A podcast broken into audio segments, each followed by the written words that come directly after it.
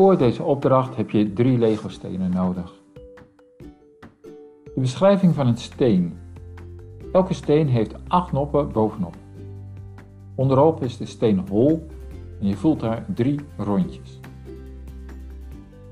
Elke steen heeft een lange zijde en een korte zijde.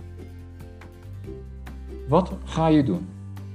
De drie stenen ga je op mijn instructie stap voor stap op elkaar zetten. De eerste stap, leg de eerste steen voor je met de lange zijde naar je toe. De tweede stap, leg de tweede steen met de korte zijde naar je toe. Stap 3. Plaats de tweede steen bovenop de eerste steen, zodat de vier noppen meest rechts bovenop de eerste steen onder de vier noppen die het verst van je af zijn van de tweede steen komen. Stap 4.